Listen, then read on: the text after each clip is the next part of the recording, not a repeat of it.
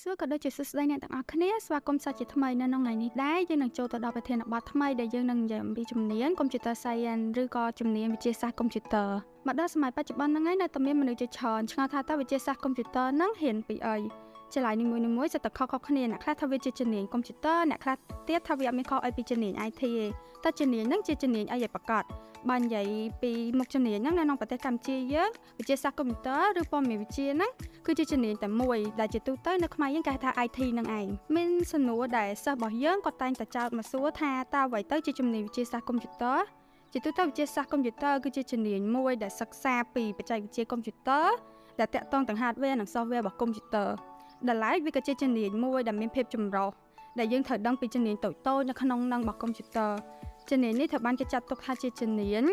ដែលយើងទទួលស្គាល់ឲ្យតម្លៃហើយក៏អាចនិយាយថាមានតម្រូវការខ្ពស់នៅក្នុងសង្គមយើងបច្ចុប្បន្នទាំងនៅក្នុងគ្រប់កន្លែងមិនថានៅក្នុងប្រទេសឬក៏ក្រៅប្រទេសទេងាកមកកាន់សំណួរមួយទៀតតើគេសួរថាតើមុខជំនាញនេះសិក្សាពីអី អញ្ចឹងវិទ្យាសាស្ត្រកុំព្យូទ័រហ្នឹងគឺជាមូលដ្ឋានគ្រឹះដែលយើងសិក្សានិស្សិតគួរមានជំនាញដែលយើងត្រូវមានមានជំនាញទុនក៏ដូចជាជំនាញហឹងតែសួរថាជំនាញទុនជំនាញហឹងខុសគ្នាមិនអូខេជំនាញទុនគឺជាការវិភាគការដោះស្រាយបញ្ហា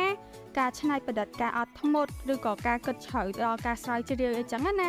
ងាកមកជំនាញចឹងវិញគឺជាជំនាញដែលចាំបាច់ដែលមានដូចជាគណិតវិទ្យា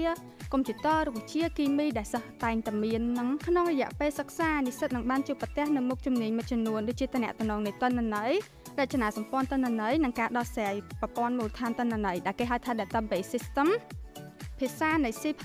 programming ប្រព័ន្ធប្រតិកម្ម microprocessor បណ្ដាញកុំព្យូទ័រអ៊ីនធឺណិតសម្រាប់សរសេរកម្មវិធី HTML ការវិភាគរចនាសម្ព័ន្ធព័ត៌មានកម្មវិធី Java និងមុខវិជ្ជាចំនួនជាច្រើនទៀតទៅតាមការកំណត់របស់សាលានីមួយៗដែលអ្នកចូលចិត្តរៀនងាកមកកាន់សំណួរមួយទៀតតើជំនាញនេះត្រូវផ្ដល់ឱកាសការងារអ្វីខ្លះជំនាញនេះអាចផ្ដល់ឱកាសការងារដូចជា Software Application Developer ជាអ្នកបង្កើតកម្មវិធីកុំព្យូទ័រទូរស័ព្ទ Computer System Analysis ជាអ្នកច្នៃនិងបង្កើតប្រព័ន្ធថ្មីទាំង hardware និង software របស់ក្រុមហ៊ុនមួយគឺជាអ្នកដោះស្រាយបញ្ហានៅក្នុងប្រព័ន្ធនិងទទួលខុសត្រូវរក្សាប្រព័ន្ធឲ្យមានសុវត្ថិភាពផងដែរ Data Administrator ជាអ្នកគ្រប់គ្រងមូលដ្ឋានទិន្នន័យ Web Developer ជាអ្នកសរសេរគេហទំព័រ Network System Administrator ជាអ្នកគ្រប់គ្រងប្រព័ន្ធបណ្ដាញ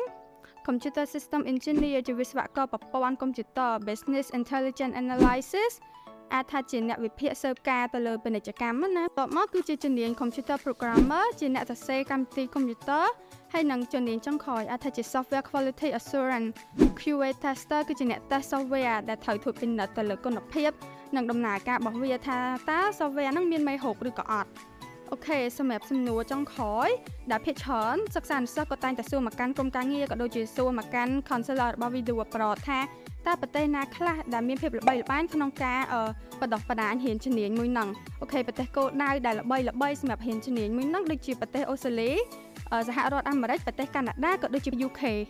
អូខេចឹងជាចុងក្រោយសម្រាប់បង្ហាញរបស់យើងនៅក្នុងថ្ងៃហ្នឹងក៏បានមកដល់ទីបញ្ចប់បើសិនជាអ្នកទាំងអស់គ្នាមានចម្ងល់ឬក៏ចង់ដឹងតាក់ទងជាមួយនឹងជំនាញអីបន្ថែមអាចថា comment នៅក្នុង comment section នៅខាងក្រោមបានអរគុណច្រើនជម្រាបលា